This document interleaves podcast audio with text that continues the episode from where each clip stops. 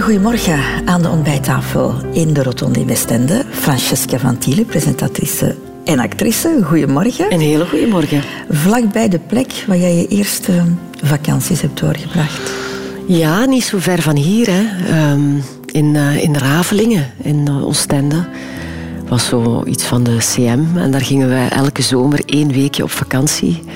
Mijn ouders, mijn zus en ik. En daar heb ik heel goede herinneringen aan. Ja, een kind heeft niet zoveel meer nodig dan wat zand en vriendjes maken en wat vrijheid. En op ontdekking gaan. En je komt nog dikwijls terug, hè? Ja, ja, ik kom hier ook graag in de winter, in de tussenseizoenen. Um, ja, dan is, het, dan is het rustig. Welkom aan mijn tafel, Francesca. Dankjewel. Radio 2. De Rotonde met Christel van Dijk. Francesca van Thiele, in een interview heb jij jezelf ooit een 8 op 10 op de geluksschaal gegeven. Het was wel in 2005. Het is ondertussen al een tijdje geleden. Zou je jezelf nog een even hoog cijfer ja, ja. geven? Het is goed dat je erbij zegt wanneer dat, dat was. uh, ja, 8 op 10, 9 op 10, ja. ja ik vind dat je wel bent mooi. tevreden met het leven dat je geleid hebt en, en dat je nu nog leidt? Ja, eigenlijk wel, ja. Ik, ik vind ook dat ik heel dankbaar moet zijn als ik zie hoeveel mensen dat problemen hebben, of gezondheidsproblemen, of uh, geldproblemen, um, of relatieproblemen. Dan denk ik, ja, het gaat mij eigenlijk wel goed. -hmm. um, of als ik gewoon de krant opensla, hè, als je wat verder van, verder van huis denkt. Mensen zeggen, ja, maar je kunt dat niet vergelijken. Het ellende van iemand anders aan de andere kant van de wereld, ik kan dat toch niet helemaal loslaten. Als ik lees dat zo meisjes door Boko Haram worden gekidnapt en die dan als seksslaven worden ingezet, dan denk ik, oh man, leid eens dat leven. En dan denk je, wat heb ik het goed hier? Ja, maar het, het is toch zo. Of mensen die in een bootje zitten en die dan, ja, ja, waarvan je weet, ah ja, er zijn er, ja, het bootje is omgeslagen, er zijn er toch twintig verdronken. En dan denk ik, oh, elk van die twintig die hebben een doodstrijd meegemaakt waarvan dat ze beseften, ik, dit, dit gaat me hier niet lukken. Ik, ja, elke keer als ik zo'n dingen lees, kan ik dat toch niet helemaal uitschakelen om te denken van, wat hebben we hier toch goed in, ja, in onze contraien. Dankbaar om het feit dat je hier geboren bent. Ben je ook dankbaar of ben je ook blij met de keuzes die je gemaakt hebt in het leven? Ja. Of ik het heb, algemeen, hè? Ja, bedoel... ja, ja ik, heb, ik heb van... Ik heb van niets spijt. Omdat als iets tegen is gevallen, dan heb ik daar ook altijd wel iets van geleerd. En, en eigenlijk doorgaans heb ik altijd wel voor mezelf goede keuzes genomen. We hebben een kleine twee uur, Francesca, om alle afslagen van jouw leven eens te bekijken. Of toch een alle afslagen. Afslagen. Op de rotonde neem je een afslag, hè? Ja, een afslag en een oprit. En een oprit. Ja. Uh, maar eerst even jouw Wikipedia-pagina's bekijken, want ah. daar staat nu dit op. Francesca van Thiele, Eeklo 24 december 1972, is een Vlaamse actrice, presentatrice en omroepster. En dan volgt er nog een hele opsomming van alles wat je professioneel ja. hebt gedaan in jouw leven. Wie dat dan maakt, Heel geen idee. Veel. Uh, er zijn mensen die ja. achter een uh, computer zitten en, en, daar dingen op tikken. Het is allemaal heel interessant, jouw Wikipedia-pagina, maar het gaat alleen maar over jouw job. Uiteraard. Alleen maar over jouw Al job. Goed. En je bent meer dan dat. Ja. Dus uh, Han Koeken heeft jouw Wikipedia-pagina ja, een soort van make-over gegeven. Francesca van Thiele is geboren te Eeklo op 24 december 1972. In het warme en zorgeloze nest in Zonhoven waar ze opgroeide, was er veel aandacht voor cultuur.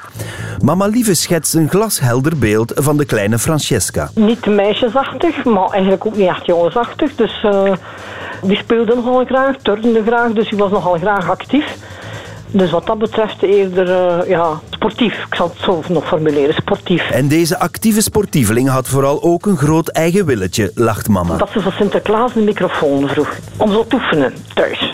En dat bestond toen nog niet, hè. Dan heeft ze zelfs zo de, kind, de kindermicrofoon gemaakt. Zo met een, een rolletje een rolletje van het wc en daar de soort tennisbal op en een kous rond en dan, dan had ze een microfoon. Maar eigenlijk wilde Francesca een echte micro. En als ze die van Sinterklaas niet kreeg, ging ze er zelf wel een zoeken. Nog maar net 13 kreeg ze de kans om Radio Tam Tam te presenteren. Die uitdaging nam ze met beide handen aan, herinnert mama Lieve zich. Ze was wel heel, heel, zeggen, Gefocust, ja. Gefocust is het woord zo op uh, dat wil ik en daar wil ik verder gaan. Dus uh, dan ook haar dictielessen moesten dan ook nog altijd maar erbij doen. Hè, want is tot de laatste, de laatste les haar diploma gehaald. Die drive en focus legde haar geen windeieren. Op haar vijftiende werd Francesca presentatrice bij Studio Brussel. En als 17-jarige presenteerde ze samen met Koen Wouters de Super 50. Maar ondertussen studeerde ze ook ijverig verder en al die tijd bleven haar voetjes stevig op de grond, getuigt kotgenoot De Greef. Ze was uh, zeer gedisciplineerd. Zij deed ook controlegretig mee en, en, en onnozel, waar als wij dan op café gingen, dan ja, ofwel, uh, zij werkte natuurlijk ook al voor een stuk, dus zij moest wel al twee dingen combineren. Dus had daar dan ook al minder tijd voor. Ook zus Barbara merkte dat er plots een BV in de familie rondliep. Ja, dan waren al mijn vriendinnen bezig van, oh, en je zus die presenteert met Koen Wouters. Ja, voor mij bleef dat wel mijn zus en ik was super, vooral super trots op haar. Samen met haar plaats in het medialandschap veroverde Francesca Willens-Nillens een plek in de roddelpers. Zus Barbara wil van deze gelegenheid graag gebruik maken om het een en ander recht te zetten wat daar ooit geschreven werd. Francesca schermde zich daar toen wel meer van af dan dat ze dat nu doet. Uh, vandaar waarschijnlijk haar, haar, haar bijnaam in de pers van ijskoningin.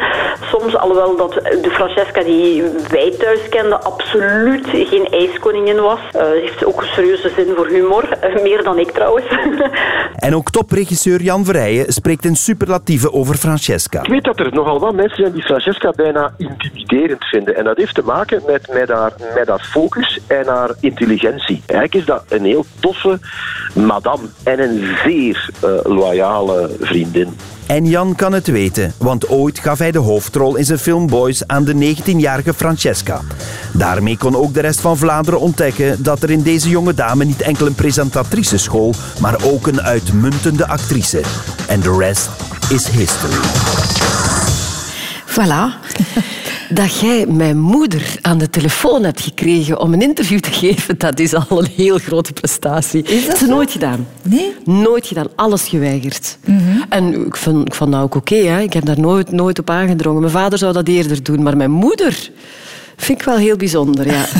ja ik zag dat je verrast was. Ja. ja.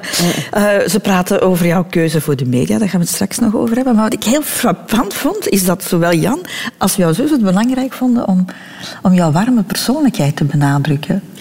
Ja, dat heeft toch wel heel lang meegespeeld. Hè? De, de koppen uh, van kranten waar altijd maar dat woord ijskoningin in voorkwamen. En ik... Maar heeft jou dat pijn gedaan? Nee, dat doet geen pijn, maar ik denk, oh ja, weet je, ik, ik, ik, wou, ik wou dat mij niet pijn laten doen. Ik heb dat eigenlijk gewoon gezegd van, oké, okay, dat dan niet. Als mensen mij zo zien, dan is het zo. Ja. Maar je bent zo niet, hè? Ik vind van niet, nee. Geboren worden in een bepaalde wieg, Francesca van Thiele, dat uh, is op de rotonde van het leven, de, de eerste afslag. Ja. Je bent de jongste van twee dochters. Hoe kijk je zelf terug op dat gezin? Uh, met heel veel liefde en warmte. Ik heb een hele fijne, goede jeugd gehad. En ik, ik uh, prijs mij gelukkig daarvoor. Omdat je later ook ja, vrienden en vriendinnen leert kennen bij wie dat het niet zo is geweest. Je hebt de wortels gekregen. Ja, ik heb wortels, zeker. Ik heb veel meegekregen van, uh, van mijn ouders. Ik ben hun vooral heel dankbaar dat ik ben opgegroeid in een, in een, een nest waar dat ik gezien heb dat er heel veel gelijkwaardigheid was tussen man en vrouw. Achter, als kind sta je daar uiteraard niet bij stil.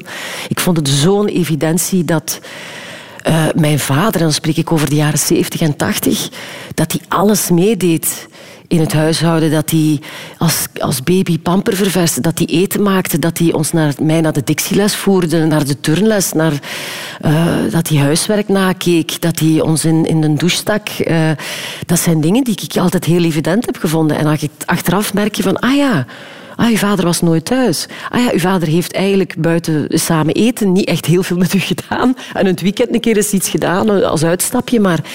Mm, een aanwezige vader. Ja, absoluut. Ja. En een vrij intellectueel gezin, mag ik het ook zo noemen? Ja, er werd... Ja, ja, ja, papa was prof, ja, mama gaf les uh, aan een hogeschool, ook. Hè. Uh, ja, toch, toch wel. Het, het, boeiende daaraan was vooral is dat mijn vader natuurlijk een heel economische kijk op de wereld had en mijn moeder, die les gaf aan sociale assistenten, een heel maatschappelijke kijk. En zeker van onze, ja, van onze tienerjaren, als, als zo de discussies beginnen aan tafel, dan leverde dat altijd wel heel pittige gesprekken op. En werd er van jullie ook veel verwacht? Wat schoolresultaten nee, of zo? Niet. Nee? nee? Nee, echt helemaal niet. Nee, ik vraag het maar omdat jouw moeder ook zei van ja, ze was zo gefocust. Eh, dan leid ik daaruit af. Ze, ze legt ook veel druk op zichzelf. Ja, maar niet van mijn ouders. Ik, en ik denk dat mijn ouders wel hebben ingezien, wij hoeven die druk niet te leggen bij haar, want ze doet dat voor haar eigen al. Maar ze hebben nooit gezegd, je moet universitaire studies doen. Of niet gezegd, maar ook niet op een indirecte manier daar toch wel een beetje sociale druk op zetten, van dat dat toch wel behoort tot het verwachtingspatroon dat hun dochter naar de universiteit zou gaan. Geen enkel moment. Wilt jij stoppen met, u, met, met, met school na, na het humaniora? Was dat voor hun ook oké? Ze zouden dat jammer gevonden hebben, maar dat was voor hen ook prima. Ze zeiden van, kijk, je werkt nu al voor VTM. Als je daarin door wil gaan en je wilt daar een fulltime job voor maken, dan, dan moet je dat doen. Of als je iets wilt studeren op korte typen of, of een job wilt aanleren of een stiel of wat dan ook, dan, dan, dan, is, dat, dan is dat ook oké. Maar kan ik dan zeggen dat jij jezelf altijd heel veel druk oplegde? Dat nee, ik heb dat zo niet... Ik, ik ervaar dat zo niet. Maar voor mij, ik, want we hebben het daar straks gehad over keuzes maken. Uh, ik studeerde af. Ik presenteerde een, een, een, popprogramma, wat ik heel leuk vond. Maar dat was eigenlijk maar één dag of een halve dag in de week dat ik daar mijn tijd aan besteedde. Dus ik voelde mij ook nog heel erg jong. Ik ben dan ook nog zo van december. Dus ik, ik, was 17 als ik afstudeerde. En ik dacht, ik ga nu toch nog niet beginnen werken. Ik vind het leuk om te werken. Allez, om te werken in die zin die verantwoordelijkheid te dragen voor een popprogramma. Maar het is en blijft maar een popprogramma. Dat is een leuke hobby. Ik zag dat toen ook zo. Dat is een leuke hobby. Maar dat is niet echt wat ik later ga doen. Ik zag dat als tijdverdrijf dat, mm dat plezant was en dat inderdaad kwam op televisie. Maar ik wist wel dat ik andere dingen in mijn leven nog wilde doen. Ja, maar ik heb het over het feit dat jij, als je iets doet, dat blijkbaar ook heel erg goed wil doen. Je gaat naar uh, de dictieles en je wil dat echt heel goed doen. Ja. Je gaat turnen en je wil de beste turnster van de wereld worden. Ja, ja. Ik was groot fan van Nadia Komenetski. dat ging nooit worden. Maar dat besef je dan ook. Ik turnde supergraag. En mijn ambitie was groot. Waardoor dat ik wel ergens op een niveau ben geraakt waarvan dat ik dacht, was super plezant, maar het zal niet meer worden dan dit. Dat vind ik ook wel belangrijk. Kon je daar zo relativeren ja, over ja, nadenken? Ja, ik, gemerkt van dit... dit ik ben hier niet voor gemaakt. Ik was ook veel te groot. Ik heb mijn scheut, hè, zo noemen ze dat toch, ik heb mijn scheut gekregen op mijn 12 jaar. Was ik al een meter 70. Ik ben op een bepaald moment toegelaten in de keurkring. En dat was de mooiste dag van mijn leven. Ik weet dat nog, want mijn ouders hebben toen een fotootje genomen dat ik telefoon kreeg. En ik was echt in alle staten van blijheid. Ik mocht in de keurkring. Maar kort daarna ja, was ik een meter 70 en dan was het gedaan, want dan was ik veel te groot. Dat kon, je, dat kon je dan ook meteen loslaten? Absoluut, absoluut. Ik ben ook aan mijn, aan, mijn, aan mijn studies begonnen van, kijk, ik doe er nog gooi naar, ik kan maar mijn best doen. Ik heb dat nog altijd in, in heel veel dingen dat ik doe. Ik kan maar mijn best doen en als het dan niet gaat, dan is het ook maar zo. Dus ik kan die dingen ook wel relativeren. Mhm. Gelukkig. Maar kijk, dan heb ik een verkeerd beeld van jou. Want ik dacht dat jij een heel strenge was voor jezelf. Heel perfectionistisch. Ik weet dat sommige mensen dat wel denken. Ik zit in zo'n loopgroepje en iedereen van mijn loopgroepje heeft een doel nodig om die trainingen te kunnen volhouden. Drie, soms vier keer in de week. En die stellen zich een marathon. Hè. En dan die marathon en dan is het nog eens een marathon. En dan willen ze die grote major medaille halen van zes of vijf grote marathons. Ik heb nog geen ene marathon gelopen en ik loop al pff, sinds jaar en dag drie keer in de week, regen of geen regen, en ik blijf lopen. Omdat ik het lopen leuk vind. Niet omdat ik een marathon wil lopen of omdat ik een medaille wil halen. En dan denk ik, in mijn job moet ik al veel presteren. Want zeker als je op televisie komt, fouten zijn meteen door iedereen gezien. Je kunt niks verdoezelen. En dus die focus die je daarvoor nodig hebt, ja, die stress die je bij jezelf opwekt om dat te kunnen doen, dat is voor mij eigenlijk al genoeg geweest. En, en nu ook dat ik terug op kanaal Z werk, het is dan het nieuws, maar ik ben wel gefocust als ik aan dat nieuws begin. En daarna denk ik, in mijn vrije tijd hoeft dat niet zo meteen. Dan denk ik, een beetje lopen is goed genoeg, dat haalt mijn hoofd leeg. Daarna gaan wij een koffietje drinken en beginnen we aan onze dag. De Rotonde. Radio 2. Radio 2. We hebben het daarnet al even gehad over jouw televisiewerk, hè, Francesca van Tielen. De keuze van, voor het podium heb je al vrij snel gemaakt. Hè? We hoorden jouw mama. Uh, die vertelde dat je zelf al een micro maakte. Ja, op, op hele, op hele jonge leeftijd. Het, het, verhaal dat blijft gaan in de familie. Heb je enig idee van waar dat kwam? Nee, geen idee. Nee. Mijn vader steekt die pluim graag op zijn hoed, want die heeft ooit nog toneel gespeeld zegt hem, in zijn jonge jaren. Nee, ik weet het niet. Dat komt, ik weet niet. Moet dat ook allemaal met genen te maken hebben? Ik denk dat dat gewoon mijn, mijn persoonlijke interesse was. Om, ik weet dat eigenlijk niet. En het was iets waar je je goed bij voelde? Ja, ik vond dat, ik vond dat plezant. En dan op weg naar de bushalte, dan, dan leerde ik mijn teksten van buiten. Want ja, er was, moest wel veel van buiten leren. Want dat, van die dictie van de gedichtjes werden dat proza-stukken. Dat waren toch wel stukken soms van één, twee bladzijden. Mm um, maar ik heb dat altijd heel, heel graag gedaan. Ja, en dan gaat, dan gaat het ook allemaal heel snel voor jou. Hè? Op je dertiende werk jij bij BRT 3, toen nog, ja, een jeugdprogramma ja. Tam Tam. Op je zeventiende een hitlijst op Studio Brussel. En Vijftien, ja. Vijftien, ja. zei ik het verkeerd? Vijftien Studio Brussel. en dan, en dan zeventien uh, de Super 50 op, op, op VTM. Ik vind dat eigenlijk toch allemaal wel heel straf. Beseft jij dat op dat ogenblik? Nee, nee. Ja, en dat is, daar zit ook altijd twee jaar tussen. En twee jaar op die leeftijd. Ja, ja. Als ik nu kinderen zie van... De kinderen van mijn zus zijn dertien. Dan denk ik... Op hun leeftijd ging ik met de trein van Hasselt naar Brussel-Noord. En daar pakte ik tram 90 naar de VRT. Dat kan, ik, dat kan ik mij niet inbeelden dat zij dat nu zouden doen.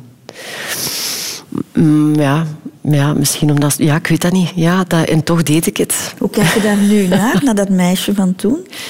Ik weet dat niet. Ik voelde mij op dat moment ontzettend groot. En ik vond ook dat ik dat aankon. En ik zag ook helemaal niet in dat dat vreemd was. Ik, ik, ik heb mij daar geen vraag bij gesteld. Daar kan ik het eigenlijk op laten. Ik heb, ik heb daar niet bij stilgestaan dat dat niet echt in de normaliteit zat of zo. Maar je was wel super ambitieus.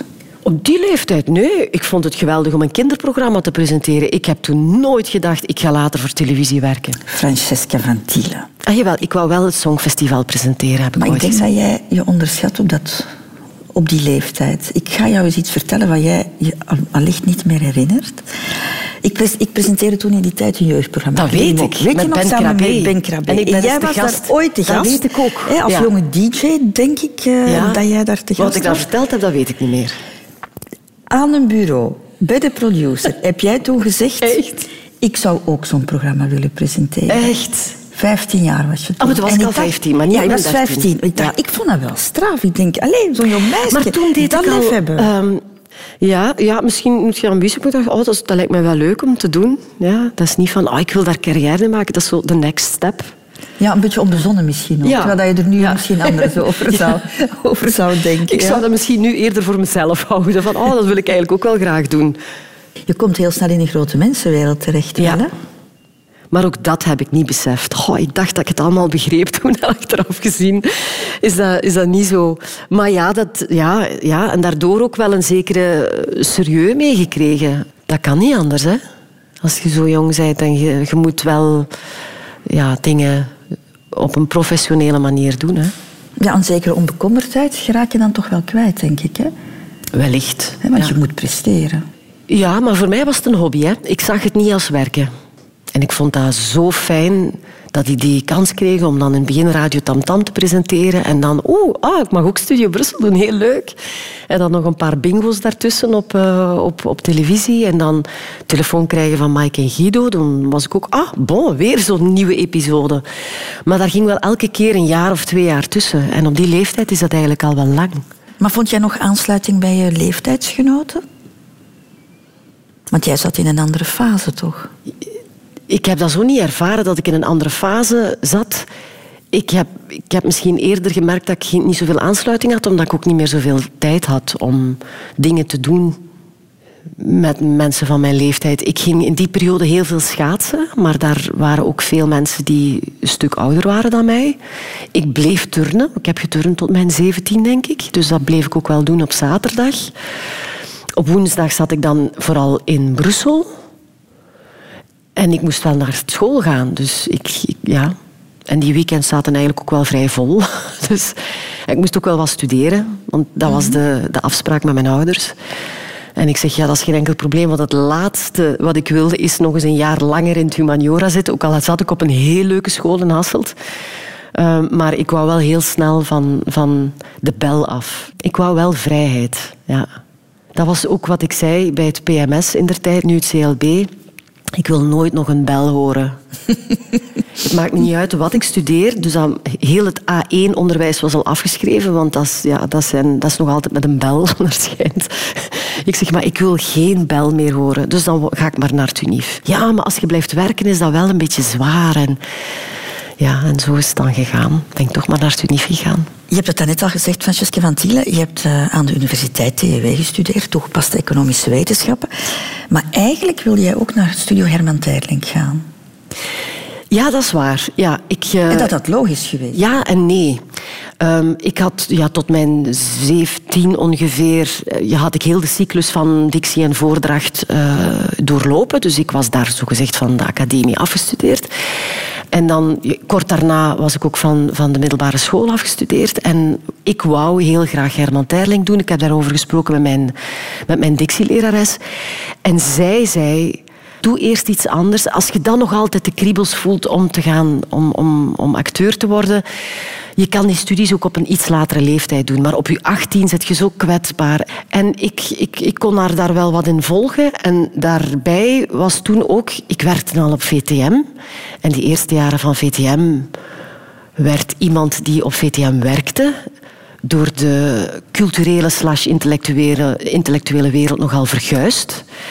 En ik had ook wel de verhalen gehoord op een Herman Terling dat, je daar, allee, ja, dat ik daar eigenlijk niet al te faire kans zou krijgen als VTM-gezicht. Plus op Herman Terling vroegen ze ook, je mag geen professioneel werk doen tijdens je studies. Dus dan had ik moeten stoppen met mijn televisiewerk vier jaar lang. En dat zag ik niet zitten. Maar ook daar, want ik heb daar geen spijt van. Ik ben uiteindelijk toch naar de theaterschool gegaan, maar ik was eh 5, 26. Ja, dan ga je naar Londen. Dat was een postgraduaatopleiding van 12 maanden. Dat was heel intensief, maar ik heb daar niet nog eens maskers moeten maken om dan mijn innerlijke, mijn innerlijke kracht en karakter te ontdekken. Ik bedoel, al dat geëxperimenteerd. Het dat- een beetje cynisch, Ja, ja, maar ik vind dat ook... Allee, dat, dat is ook niet de opleiding die je hebt in, in Engeland. Hè. Ik vond dat een perfecte opleiding die paste bij mijn, met mij, met mijn persoonlijkheid. Omdat het rationeler ja, was. crap. Ik ga ik niet zitten kneden in klei om dan... Wie ben ik en wie, wie zoek ik? En daar zeggen ze... eh, just cut the crap and play the part, zeggen ze daar. En wat moet je daarvoor kunnen? Je moet je stem kunnen projecteren naar het einde. Dus je moet stemtechniek hebben, je moet inleving hebben, je moet tekstanalyse kunnen maken en zo verder en zo verder. En dan moet je nog wat talent hebben om zo de, de, de kers op de taart, zo, dan, dan heb je nog dat talent. Maar het was op een rationelere manier. Maar het was op een, op een technischere manier. Ja, en dat vind ik wel, dat, sprak mij wel aan. Waarom wou je dat nog doen? Want je had al in een aantal films gespeeld, in Boys, met eh, Jan Vrijen. Licht ook, van, van, van Stijn Konings. Waarom had je dat nog nodig? Eh, wel, mijn tegenspeler in Licht, Joachim Krool, dat was een hele grote bekende acteur in Duitsland.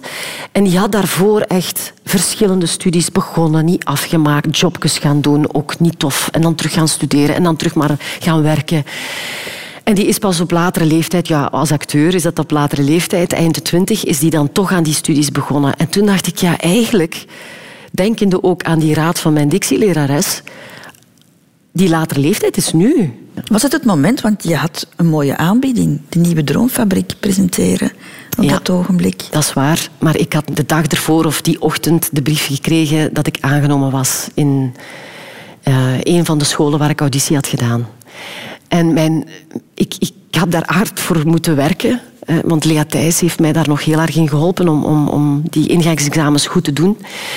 Dus ik heb daar echt wel mijn best voor gedaan. Dus ik, heb, ik was op dat moment gefocust. Ik heb daar nu mijn zinnen op gezet en ik wil zo graag Ik was ook elke dag aan het wachten om, om nieuws te krijgen of dat ik aangenomen was of niet. En dan kreeg ik die aanbieding en dan ging ik dat niet meer laten schieten, omdat ik dan één seizoen van de Droomfabriek kon presenteren. Hoe hard was dat jaar voor jou, Londen? Dat was niet hard. Dat was een... Oh, ik heb daar elke, elke seconde van genoten een jaar weg te zijn. Um, ik, ik, ik, ik, ja, dat is dat jaar dat ik ook bij Jan uh, woonde in, in, op zijn appartement in Londen. De, de, de, ja, hoe fantastisch dat was dat ik op zo'n mooi appartement kon zitten. Dat was ook niet ver van, van de school waar dat ik zat. Dat was alle geluk, want voor hetzelfde geld zat Jan aan de andere kant van Londen. Dan was ik elke dag anderhalf uur enkel onderweg. Nee, ik had daar mijn Maar je had toch heimwee? Ik heimwee? Ja. Ik heb toch geen moment heimwee Heb ik gehad. gelezen, toch? Nee, dat heb ik dan gedelete. Nee. Nee, ik heb daar... Ja, ik, ik heb zo genoten. En ook niemand kende mij daar. Ik, ik was dat vergeten hoe het was dat niemand, niemand u kende. Dat was heel bevrijdend. Werd je daarna meer eh, voor vol aanzien ook als actrice? Nee, nee, nee. Ik, de, de enige plaats waar dat ik in theater ben kunnen gaan werken was het Raamtheater. Die is ook komen kijken naar mijn eindwerk. En dat is natuurlijk ook wel... Schoon in Engeland zijn er 20.000 acteurs, waarvan dat er heel veel werkloos zijn. En dus wij kregen eh, in die opleiding ook mee... Ze weten niet dat je zit te wachten op werk. Dus je moet zelf naar buiten komen en zeggen dat je bestaat, waar dat je voor staat, waar dat je goed in bent, wie dat je bent, hoe dat je eruit ziet. Je moet jezelf kenbaar maken. Ik heb dat toen dacht, ja, dat is waar. Mensen kennen mij als tv-gezicht, maar ik, ga, ik kan er toch niet van uitgaan dat zij weten dat ik in Engeland ben gaan studeren en dat ik een acte- acteeropleiding heb gevolgd. Ik heb naar alle theaters in der tijd een, een brief gestuurd. Am, niks vermeld over mijn tv-werk. Gewoon alsof dat ik dacht, ik, die bescheidenheid vond ik wel gepast. Want ik solliciteerde als actrice en niet als presentatrice, uiteraard. Ehm, en niemand heeft gereageerd. Allee. Nee. Niemand. Ook niet, ah, we hebben nu eh, u een brief ontvangen. Jammer, maar we zoeken nu niemand. Ja, dat, ik heb achteraf wel beseft waaraan dat, lag. Omdat hier is het heel veel... Ja, we kennen u daarvan en daarvan. En, er worden ook geen audities gedaan. Je wordt gevraagd voor een rol. Punt. Maar audities... Voor een film misschien wel, maar ik heb gesolliciteerd bij de theatergezelschappen. En die man van het Raamtheater, directeur in der tijd, die, eh, die is komen kijken. Die heeft gezegd, ah ja, ik kom naar uw eindwerk kijken. En dan heb ik een aantal stukken kunnen spelen met Chris Lomme, Bert André, eh, Magda Knudde. Allee, dat, dat, was, dat was heel fijn. Zullen we het eens over een frivolere keuze hebben, Francesca van Tielen? Jouw keuze om te gaan dansen. Ook iets wat je van thuis hebt meegekregen, hè, die liefde. Ah, ja. Jij ging toch naar ballet met je Ja, ja, ja. vader? hè? Want ik dacht, mm, ja, mijn vader nam mij wel mee naar, naar ballet, eh, klassiek ballet. En ik, ik vond dat prachtig, ik vond dat fantastisch. Maar mijn keuze voor tango, denk ik nu niet zozeer dat dat vanuit mijn liefde voor dat ballet eh, komt. Maar ik had iemand zien tango dansen toen ik twintig was of zo. En toen wist ik, dat wil ik ook kunnen. Ik, dat was, ik was zo gefascineerd door die tango die ik had gezien. Maar ik studeerde dan nog. En na het studeren ben ik aan GoTo begonnen. En dan waren wij zoveel aan het reizen. En zaten wij zoveel in het buitenland dat, ja, dat ik niet iets, een cursus kon volgen op wekelijkse basis. Na GoTo ben ik naar Londen gegaan. Dus dan ging het ook niet. En als ik terugkwam uit Londen, toen zei ik, nu is het moment. Nu heb ik tijd. En nu blijf ik in België. En nu kan ik beginnen aan mijn cursus Ja. tango. En, Het is, het is ja. net als turnen, want dat heb je dus ook lang gedaan. Een, een manier om jouw lichaam toch uit te dagen, denk ik. Hè? Ja, alhoewel fysiek is dat niet zoveel eisend. Het is, eh, het, het, het is inleving en het is een combinatie van inleving en techniek. Ehm, en en het, is, het is gewoon heel bevrijdend. Eh, je, kunt alleen maar tango dansen als je je hoofd leeg. Je kunt niet zitten nadenken, ik moet nog een was insteken. En eigenlijk, wat ga ik eten vanavond? En oh, ik zou eigenlijk nog boodschappen moeten doen. Daar kun je niet aan denken als je tango danst. Dus het is echt de ideale manier om, om, om helemaal te ontspannen. En het is ook prachtige muziek, uiteraard. Maar het is wel een dans waar de rollen heel erg vast liggen, ja, toch? Hè? ja, het, is, het is een heel... eh, ehm, ja, ja, ik vind het ook wel schoon dat... eh, je kunt niet met twee leiden, dat gaat niet. Dus jij moet je laten moet, leiden. Ik moet volgen, ja. Lukt jou dat goed? Ja, heel goed. Omdat ik al zoveel beslissingen in het gewone leven pak. en dat ik moet daar niet bij nadenken, want ik ben zo opgegroeid. Dus ik sta daar niet bij stil. Maar het is heel fijn om... Omdat mijn, mijn rol is heel duidelijk. Ik volg de, de, de man die leidt. En je komt niet tot een... Ik vind eigenlijk de, de, de uitspraak It takes two to tango, het zegt, het zegt veel meer dan je op het eerste zicht zou denken. Omdat je kunt effectief niet dansen als je het overneemt. Of als je zegt, ja, maar ik wil eigenlijk naar links en ik wil eigenlijk nu een... Dan, dan, dan is het stilstand. Dus het mooie daaraan is, is dat als hij, in, hij, hij luistert, we luisteren samen naar de muziek, maar hij interpreteert de muziek, hij geeft aan of wanneer dat je versnelt of vertraagt of een draai doet of, of, of ja, wat dat je ook allemaal kunt doen met tango. Dus de man is de dominante figuur in, uh, in die dans? Ja, in zekere zin kun ik, ik, ik, ik, ja, in welke mate moet het dat dan dominant noemen? Hij leidt. Ja. Ik vind het woord dominant niet zo... Niet, niet zo Geef er dan een ander woord. Wel, ik ben aan het denken... Ik, Um, als hij een goede leider is, als hij een goede danser is, dan luistert hij ook heel erg goed naar de vrouw waarmee dat hem danst. Ik, ik, ik voel dat aan hoe dat mannen de eerste vijf seconden van, een, van dat die een vrouw in hun armen nemen om aan een tango te beginnen, dan, dan voelen die hoe dat die vrouw in hun armen ligt. En, en, en dan hun eerste stappen besef ik, die man weet al met wie dat hem danst. En wat dat die vrouw aan kan, wat dat die wil, wat dat die, hoe dat die zich beweegt, hoe, dat die, hoe, hoe stroef, hoe soepel dat die is, dat voelen die allemaal aan. Moest je het aan een man vragen, dan denk ik dat ze dat gaan antwoorden. Ah, ja. En ik vind dat dan niet een kwestie van dominantie. Ik vind dat juist heel attent. Want een man die daar niet naar luistert en gewoon zijn ding doet en zijn draaikjes en zijn dit en dit, omdat hij dat tof vindt, ik voel dat als vrouw. En dat is een man die danst met u samen. Ah, ja. Het is eigenlijk een gesprek. Ja. Op de dansvloer, ja. Maar, Francesca, jij gaat niet zomaar wat dansen. Hè? Nee, jij wil dan wel weer de perfecte tango dansen. ja. Niet zomaar eens eventjes naar de dansles. Nee, maar dan gaat nee, naar Argentinië. Ik heb al die dansles al gedaan hier. en het was ook... Oh, ik moet zeggen, het was op dat moment ook wel... Uh, het is niet dat ik dat per se wilde. Het was ook wel een beetje in de mode om dan als je hier in België zo alle tango-salons gedaan had en je ging veel gaan dansen, dat je dan wel hunkert naar iets meer. En, en ja, dan, dan, dan ga je naar de bakermat. En die ligt in Buenos Aires. En daar kan je letterlijk dag en nacht. Je kan overdag eh, lessen volgen, naar practica's gaan en zo verder. Je kan s'avonds ook nog eh, lessen volgen en naar practica's gaan. En dan ga je naar een salon dat begint tegen middernacht. En dan kan je dansen tot s morgens. Dus het is letterlijk dag en nacht. En hoe Uh, verbeterd ben jij dan? In de zin van goed is niet goed genoeg? Nee, het was niet goed. Het gaat over de, het gaat over de prikkels. Het gaat over ja, bijna de, op dat moment misschien wel het woord verslaafdheid gebruiken. In die zin dat je, dat, dat je iets doet dat zo plezant is. Dat is iets dat je, ja, alhoewel eten heb je een bepaald moment een verzadiging. Hier komt die verzadiging niet. De enige verzadiging die je, die je voelt is en nu moet ik slapen. Nu moet ik echt even mijn hoofd neerleggen en wat slapen. En dan kunnen we morgen verder dansen. Uh, omdat het, uh, het, is zo, het is een dans met zoveel subtiliteit die, die, die hele fijne prikkels geeft. En de muziek is ook zo mooi. Dus je kunt daar echt wel van in een, in een roes geraken. Trouwens, iedereen is daar heel nuchter. In tango wordt ook niet gedronken. Ook door de mannen niet, omdat die, die moeten wel die alertheid hebben om en de muziek te interpreteren en naar die vrouw te luisteren die ze in hun, in hun armen hebben. En te zorgen dat ze niet botsen tegen anderen. Want we staan met heel veel op een dansvloer. Dus um, die roes komt echt wel van de, van, van de muziek en van de dans. Ben je er goed genoeg in nu? Ja, ik dans ook niet meer zoveel als vroeger omdat het heel veel s'nachts is. En ik, uh, eigenlijk ben ik een ochtendmens. Zoals nu.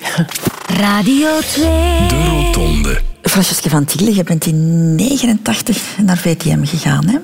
Um, een geweldige carrière uitgebouwd, uh, omroepster geweest, heel veel uh, programma's gepresenteerd, prestigieuze programma's. Uh, Aspe, daarin heb je ook mee geacteerd.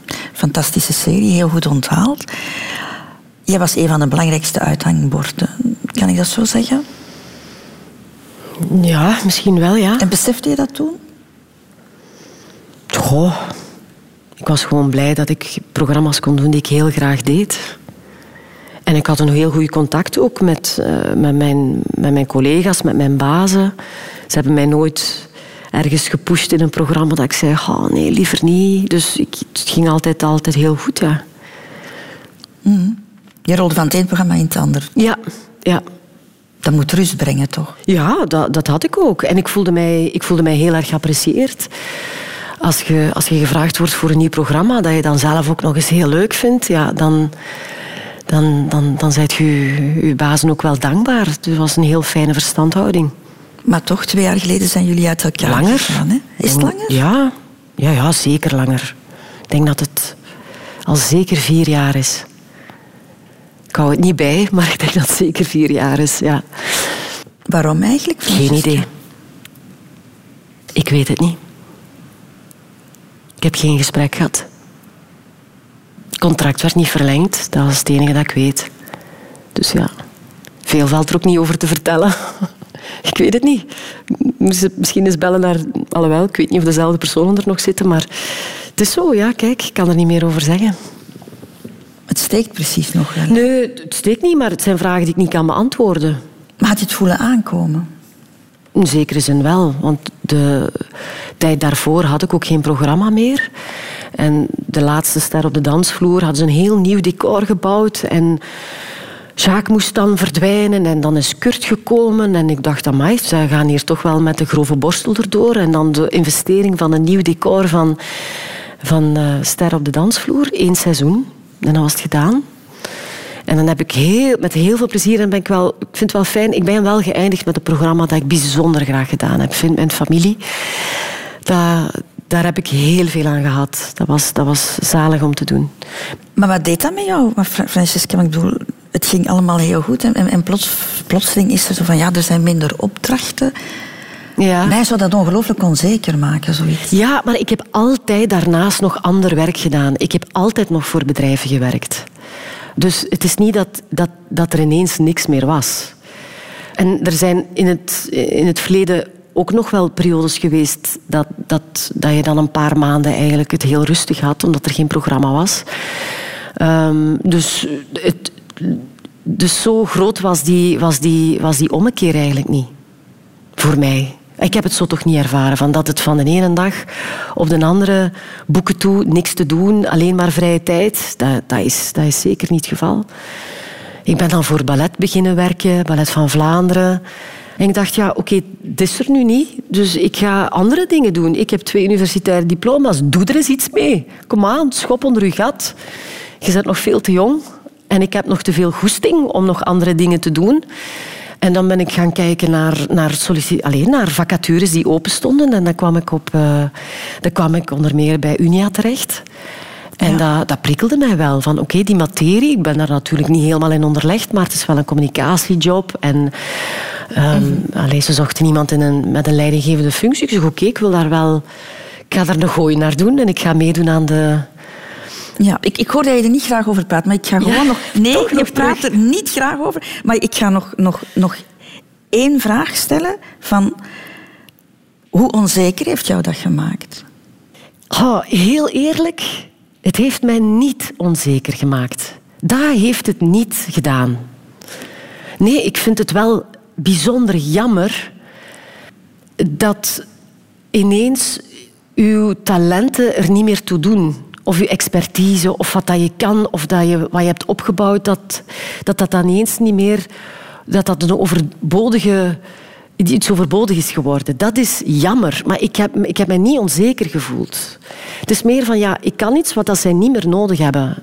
Ik ben, het zal misschien ook wel met leeftijd hebben te maken. Of, Denk je dat? Ja, ik weet het niet. Er is niets gebeurd. Ik heb geen enkele aanvaring gehad of zo. Hè. Dus het is gewoon... Ja, de zender verjongt, wat ik ook begrijp. Ja, maar ik word niet jonger, hè. Alleen geldt dat niet voor alle mannelijke presentatoren. Maar ja, ik weet het niet. Ik, ik, kan, ik, kan, er, ik kan er geen... Ik, ik, heb het nooit, ik heb het nooit gehoord. Ik heb, ik heb het nooit in mijn gezicht gesmeten gekregen van... En daaraan ligt het nu, zeg. Ik weet het niet, dus ik kan, ik kan er niet... Maar onzekerheid, heel eerlijk, nee. Omdat ik nog altijd kan wat dat ik toen kon. Dus het is, het is dat er geen vraag meer naar was. Economische wetmatigheid, vraag en aanbod. Ik heb nog altijd een aanbieding en ik zit nu bij Kanaal Z een beetje hetzelfde te doen, maar ik doe nu... ja, inhoudelijk is het, is het heel anders, maar... Nu, het, het gaf jou wel de kans om jezelf een beetje of helemaal eruit te vinden. Hè? Want je hebt dan bij Ballet van Vlaanderen gewerkt, Ja, bij Unia, ja. gelijke kansencentrum. Maar daarom ook dat ik ook niet ehm, heb daar zo lang bij stilgestaan. Ik vond het jammer omdat ik de job graag doe en deed. Maar eh, zo loopt het nu eenmaal. En aan de andere kant heb ik mezelf ook wel verteld van kijk, het is zoals in de politiek gaan. Het is niet omdat je ooit in die media bent beginnen werken dat je daar dan de rest van je leven in moet blijven. Dat begrijp ik ook wel. En ik vind dat ook in, in, in politiek. Het is niet omdat je verkozen bent dat je... Dat, dan moeten gewoon de beste parlementariër of de beste minister zijn in die vier, vijf jaar. Maar daarna kun je er niet van uitgaan. Of dan hoop je dat je beloond wordt door, door, de, door, de, door de burger. Dat ze, dat ze op u gaan stemmen. Maar het, het, is, het is eigenlijk een gunst dat je, dat je het volk mag vertegenwoordigen in die periode. En eigenlijk is dat ook wel een beetje in de media. Mhm. Maar je moest dan opnieuw gaan solliciteren. Ja, hè? ja, ja. ja. Dat moet toch ook vreemd geweest Ja, dat is zijn? vreemd, maar ik vond dat wel... Ik vond dat meer... Eens zien wat ik ervan bak. Want ik heb nog nooit geso- gesolliciteerd. Ik heb audities gedaan, maar ik heb nog nooit echt gesolliciteerd. Op basis van, ja, van, uw, van uw verstandelijke capaciteiten. Want je krijgt wel IQ-testen en zo. Ja, dat is niet min, hè. In zo'n assessments. En, en, Assessments. Ik voelde me wel eh, binnen het binnenste buiten gekeerd, dat wel. Maar ook wel goed, omdat ik denk, ja, dat is wel de realiteit voor heel veel mensen. En ik vind het goed om dat zelf ook eens mee te maken. Ja, en dan mogen beginnen, hè, En ja, aangenomen ja, worden. Maar ik heb nog ergens anders gesolliciteerd, ik ga er eerlijk over zijn, waar dat ik het niet goed had gedaan. En dan, Nee? dat heeft mij wel onzeker gemaakt, omdat je dan ineens merkt van, hoe, was die test zo slecht? Ja, die was niet zo goed. Nee, maar dus bij Unia was het wel, was het wel, eh, was het wel goed. En misschien wel eens goed ook om eens een normale werkweek te hebben. Ehm, Ja. hè? Dag, dagelijks leven wat, iedere, Ja. wat de meesten onder ons. ja. Maar het voornaamste is vooral dat je iets doet dat, dat je boeiend vindt. Ben je bang voor de toekomst, Francesca? Nee, helemaal niet. Nee. Nee. Oh, daar maak ik mij... Nee, helemaal geen zorgen over. Op werkvlak? Nee. Nee. Het is goed zoals het is nu. De keuze voor de liefde, Francesca van Tiele. Een belangrijke afslag in het leven. Welke waarden heb jij op dat gebied meegekregen van thuis? Eerlijkheid, oprechtheid. Ja, ik, we hebben nooit zo gesprekken gehad van... En zo moet je omgaan in de liefde. Allee, daar hebben we eigenlijk niet echt... Nee, dat is iets dat we zelf al ontdekt hebben. Ik denk respect, ja. En, En gelijkwaardigheid. voilà, da- ja. daar wou ik eigenlijk naartoe. Ja, Daar ja. wou ik naartoe. Een Ja. evenwaardige relatie. Ja. Allee, dat, is de, dat is nooit gezegd geweest, maar dat is wat ik eruit afleid. Wat, wat, wat ik ook gezien heb. Zou je je moeder een feministe kunnen noemen, Francesca? Mijn moeder en mijn vader, ja. Het is, het is een, een fout idee om te denken dat feminisme alleen maar bij vrouwen leeft. Het feminisme betekent gelijkwaardigheid tussen mannen en vrouwen. En het is heel belangrijk om die gelijkwaardigheid te hebben, dat mannen daar ook achter staan. En mijn vader ja, stond daar ook achter en heeft dat ook wel mee uitgedragen. Ja, hij heeft een heel, Ja. deel, enfin, een heel deel heeft een deel van zijn carrière opgegeven om, om, Ja, om hij mee heeft voor keuzes te gemaakt. zorgen. Ja, hij heeft keuzes gemaakt. Hij heeft gezegd, ik heb niet, ik heb niet twee dochters op de wereld gezet om, om die amper te zien en dan mijn kleinkinderen groot te brengen, als ik die ooit heb. Dus hij heeft, hij heeft gekozen om, om aanwezig, een aanwezige vader te zijn. Ja. Mhm.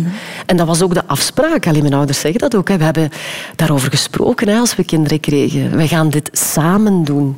Hoe hebben die opvattingen jou beïnvloed? Heel, heel erg, ja. Dat heeft mij ja, misschien ook wel een beetje mijn beeld vertroebeld dat de realiteit niet zo is dat iedereen zo is opgegroeid. Omdat ik een aantal dingen wel misschien vanzelfsprekend vond en dat eh, ja, dat, dat aan de andere partij zoiets heeft van Nu, ik denk dat ik mijn partners ook wel gekozen heb in de zin dat die dan daar toch ook wel voor open stonden. Of, of, of toch ook wel zo in het leven stonden, ik zal het zo zeggen. Ja, want hoe, hoe- sterk blijf je, of hoe sterk blijf jij bij jezelf als je verliefd bent, als je in een relatie zit? Ehm, wel, ik, ik, ik ben wel een zorgentype, zeggen ze. ja, ik kan zo wel... Ja, dan begin ik wel veel te koken en zo, terwijl ik dat voor mijn eigen niet doe. en ik doe dat graag, hè. Ik, doe dat, ik doe dat ontzettend graag. Ik zorg graag.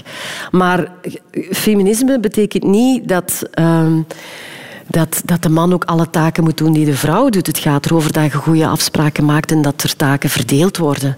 En als er kinderen zijn, is dat natuurlijk nog wel met veel grotere impact dan dat je, dan dat je gewoon met twee bent. Mm Want dan gaat het niet over die vier hemden die gestreken moeten worden hè, op het einde van de week of vijf. Allee, daar, gaat niet, daar gaat het niet over. Nee, ik heb het maar over het feit dat heel veel mensen zich plooien naar een partner. Heel veel mensen veranderen ook. Hè?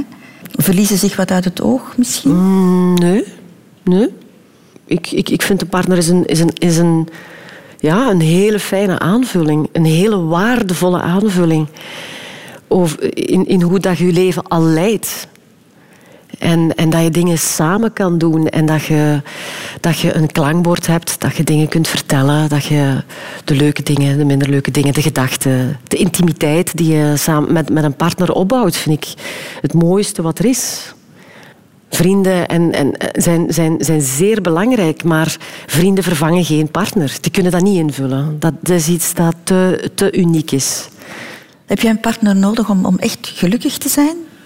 Het vergroot uw geluk, ja. ja. Als ik mij nu eh, een 8 of een 9 geef, dan ga ik dan al wel naar de 9 of de 10 gaan. Ja, dat wel. Je bent op dit ogenblik alleen, Francesca, zoals heel veel veertigers. Hè? Ja, Heel veel vrouwen van boven de veertig, die, die, die zijn alleen. Heel veel knappe, intelligente vrouwen.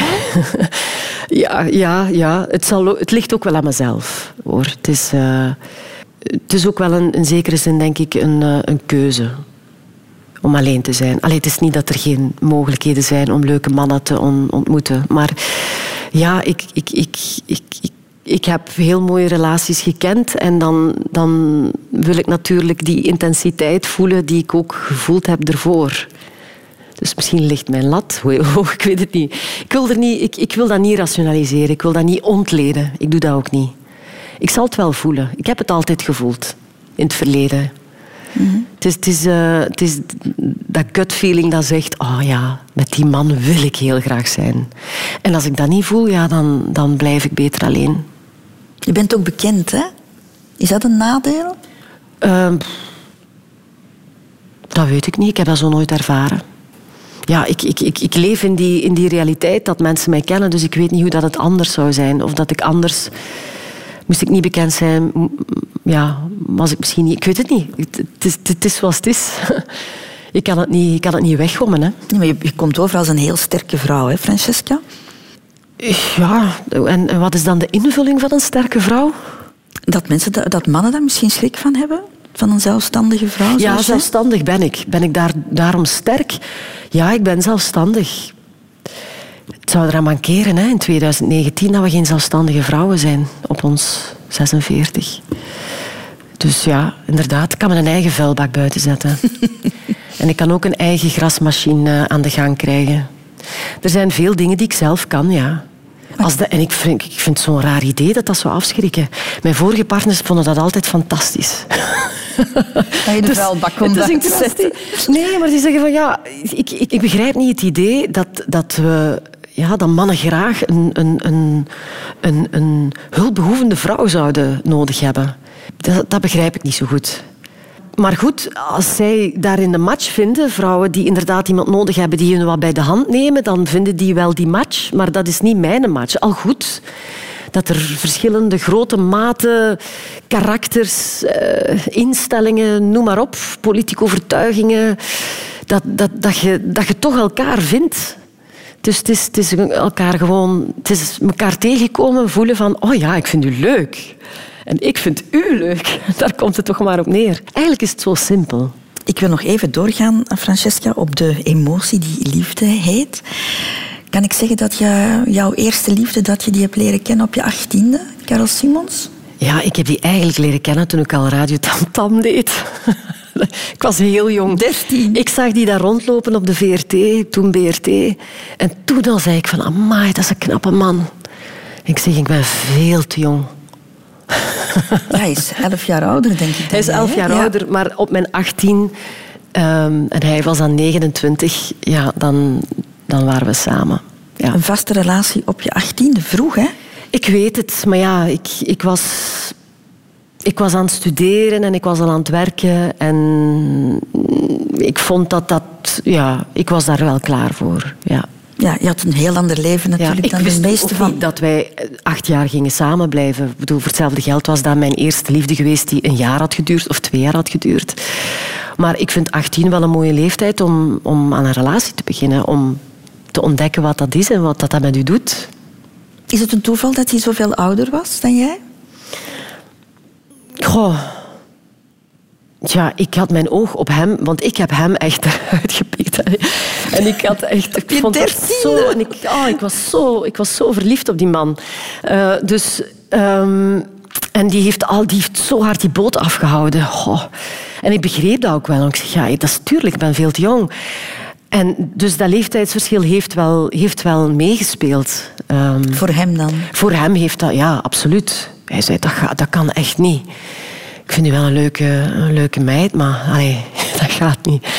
En dus daarmee dat, dat het wat, wat langer heeft geduurd, maar allee, eer dat we echt samen waren. Maar kon jij jezelf op die leeftijd, 18, voorstellen met iemand van dezelfde leeftijd? Ja, maar ik had geen oog voor iemand anders.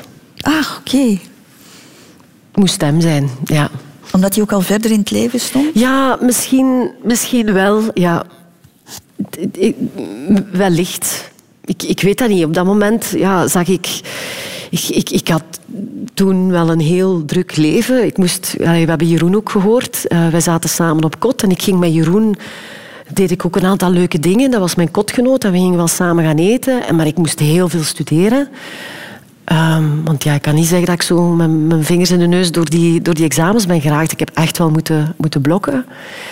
Karel had ook de flexibiliteit van, van, uh, van iemand die al werkte. En dat, dat kwam mij goed uit. Mm -hmm. dat, het, dat het niet iemand was van in dat studentenleven. Omdat ja, die kon met mij zo... Oké, ik heb nu even ontspanning nodig. Kom, we gaan naar de film. Of we gaan iets gaan eten. Of we gaan... En dan hadden we altijd heel leuke gesprekken. Mm -hmm. Je gaat dan op je 26e, jullie zijn nog samen naar Londen, theater studeren. Toch ook een risico voor een koppel? Ja, dat is waar. En toen, ja, ja. Dat is, Mensen dat is... kunnen elkaar kwijtgeraken als ze ja, lange dat tijd is ook gebeurd, want ik ben ja. teruggekomen uit Londen en dan waren wij uit elkaar. Ja, dus dat is... Het is een keuze die ik... Die, het is een beslissing die ik heb genomen. Uh, ook misschien een kwestie van mezelf terug, terug wat te vinden. En, maar, maar, maar hij was... Allez, ik kan geen niks, niks, niks slecht zeggen over, over Karel. Omdat wij we hebben hele mooie jaren. We hebben heel, heel intens samengeleefd. We hebben vijf jaar dag en nacht samen geleefd, gewerkt met GoTo dat we samen gemaakt hebben. Dat reisprogramma, ja. Dat was heel intens. En ik zeg ook altijd, we hebben zoveel tijd samen doorgebracht dat we eigenlijk al een heel huwelijk van 24 jaar hebben gehad. We hebben gewoon cyclussen van acht uur, want mensen gaan werken en die slapen. We hebben gewoon de hele tijd. We hebben zoveel zijn we samen geweest. Dus eigenlijk hebben wij al een heel leven achter de rug. Dat is natuurlijk, dat, de verzachte pijn natuurlijk niet, maar... Ja, en ik was ook nog maar 26, hè. Ja, en tussen je 18e en je 26 verander je natuurlijk ook nog ja, heel erg. ik ben dan wel wat veranderd in die, uh, in die jaren, ja. Er zijn andere mannen gekomen die jou gelukkig gemaakt hebben? Ja. Er zijn geen kinderen gekomen, Francesca? Nee, nee. Nee, nee, nee. Achteraf gezien ja, ben ik misschien zo te, te voorzichtig geweest. Het moest zo voor mij de man zijn waar, met wie dat ik ook ging oud worden. En, en ik heb die garantie nooit gevoeld. Bij Karel had ik het gevoel, die gaat, wat er ook gebeurt in mijn leven, Karel gaat altijd voor, er voor mij staan. Dat was de meest loyale man.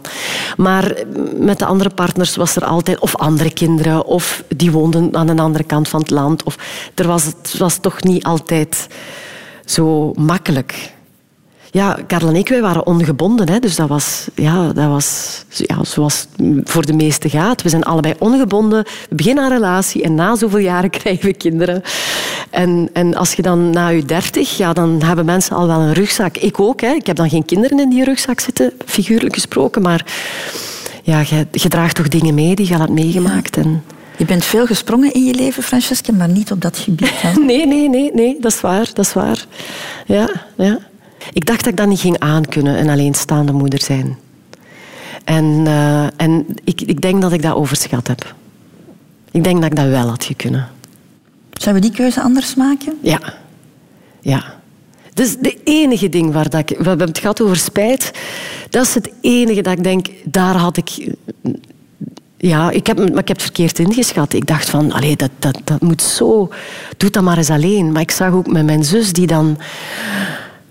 Dat was zwaar, hè? Kleine kinderen. En die was ook heel veel alleen, omdat die man heel veel werkte en veel weg was. Dus ik zag ook hoe... Allee, ik heb het nooit onderschat. Ik ga nooit zeggen, oh, kind krijgen. En opvoeden. Integendeel, ik denk dat ik het overschat heb. De kinderen van je ex-partners, zijn die een soort van surrogaat? Dat is een lelijk woord, surrogaat. Als je Ja, ja, ik weet het. Ja, maar het is moeilijk om er een naam aan te geven. Hè?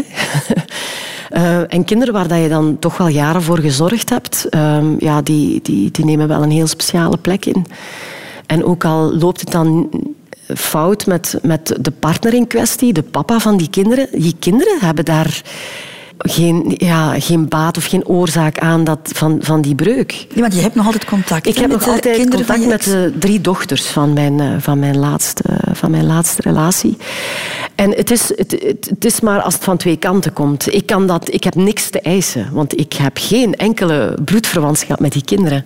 Dus als zij daarvoor openstaan om nog iets leuk te doen samen, en ik heb die deur altijd wagenwijd opengezet. Hè, we kunnen iets leuk doen in Antwerpen, of we kunnen naar de zee gaan, of we kunnen naar de film gaan. Dus er zijn dingen die, die ja, wel, wel dingen die je samen kan doen. Maar het kind in kwestie moet ervoor openstaan. En, en, en dat was gelukkig het geval.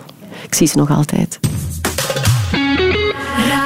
Radio 2. Doodgaan, Francesca van Tielen. Ja, dat is een afslag die je ook zal moeten nemen, verplicht zal moeten nemen. Je hebt daar nog, eh, normaal gezien nog heel wat tijd voor. Ja.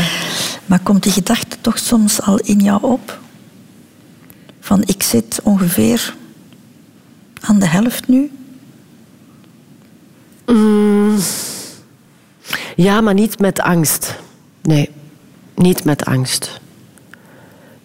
Ehm, ik wil ook helemaal niet zo oud mogelijk worden.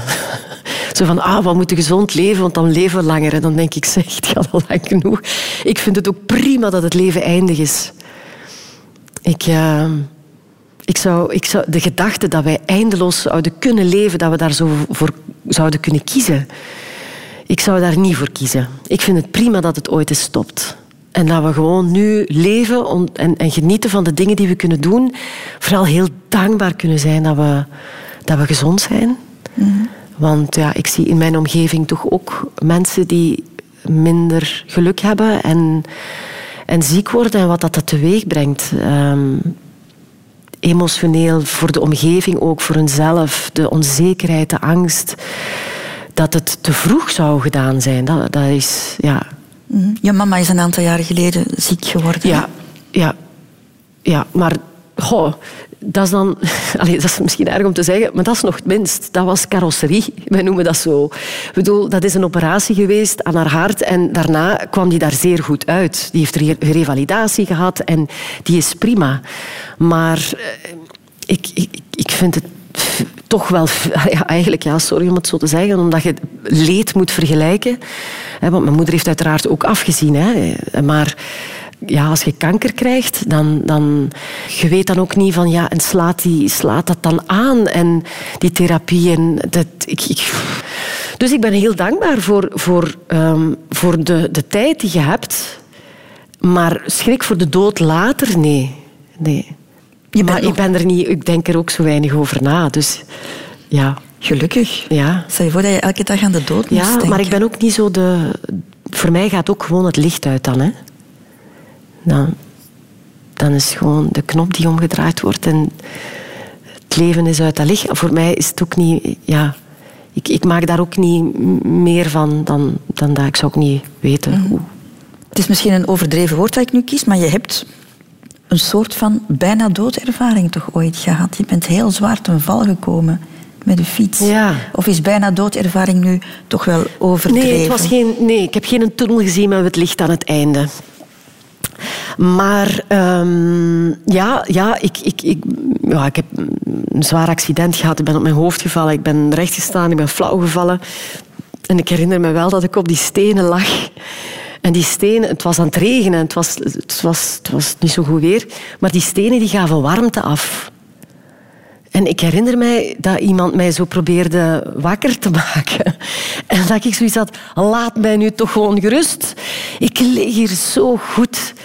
Oh, ik voelde die warmte echt, ja, die warmte opstijgen uit die tegels in mijn lijf. En ik vond, oh, heerlijk vond ik dat. En ik bedacht me achteraf, amai, als dit de weg is naar doodgaan, dan is dat eigenlijk... Allez, dat had Ik weet niet hoe erg dat was. Voor hetzelfde geld was ik, allez, was ik aan doodbloeden op straat. Maar dat wist ik niet, want ik was bewusteloos. Dus ik denk, als het dat is, dan omdat het zo rustgevend ja, was? Ja, omdat op dat moment... It, it, ik, I blanked out. Dus ik, ik, ik, ik zag niks. Ik heb niet de paniek van... Oei, ik ben een been kwijt. Oei, ik ben hier aan het doodbloeden. Of wat dan ook. Of, allez, ik, wil maar, ik weet het niet, want ik was, ik was uh, buiten bewustzijn. En dan voelde je... Die, ja, ik voelde die warmte van die stenen. dus het is ja. geen bijna doodervaring. Ik had gewoon mijn elleboog gebroken en mijn schouder gezeerd. En waarschijnlijk ook wel wat nog altijd blijvend hersenschade. ik kan soms zo verstrooid zijn dat ik denk, dat is van die val. als je het daarop kan Ze steken. hebben dat toen niet gezien op die scan, maar dat moet van die val geweest zijn. Ja.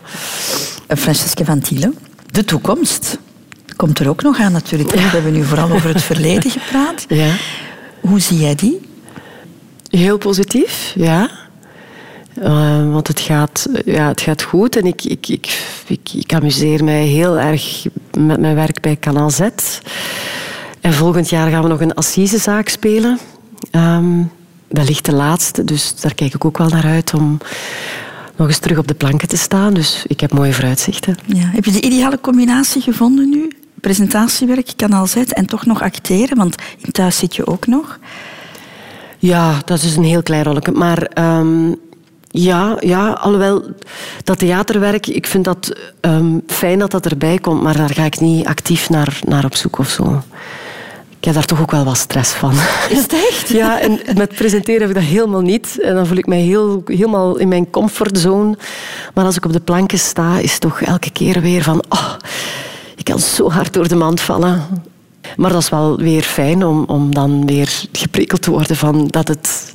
Ja, het is in het hier en nu, hè, dat spelen. En misschien is het goed om zo nu en dan eens uit de comfortzone ja, absoluut. Dat te moet je komen, blijven hè. opzoeken. Ik vond het heel fijn dat je mijn gast Ja, was. absoluut, dankjewel. Uh, Francesca van Thielen, heel erg bedankt daarvoor. Dat we jou een stukje beter hebben leren kennen vanochtend. Dank je voor de interesse. We hebben veel Ah, thema's aangehaald. Veel, hè? Maar ja, kijk, het, uh, we konden nog uren doorgaan, denk ik. Want jouw leven is al zo uh, rijk gevuld geweest. Maar goed, we hebben maar twee uur en daar moeten we ons aan houden. Het gastenboek nog, Francesca. Ja. Als je dat nog voor mij zou willen doen. Lieve Christel, zo'n 33 jaar nadat je mij voor de eerste keer te gast had in je programma Klim op, kruisen onze wegen opnieuw nu voor je prachtige radioprogramma De Rotonde. Je bent een warme vakvrouw die me weer veel verder in uitspraken kon verleiden dan ik gewoon ben. Alle afritten van De Rotonde hebben we besproken en daarmee dus ook het leven. Een ochtend om te herinneren. Liefs, Francesca.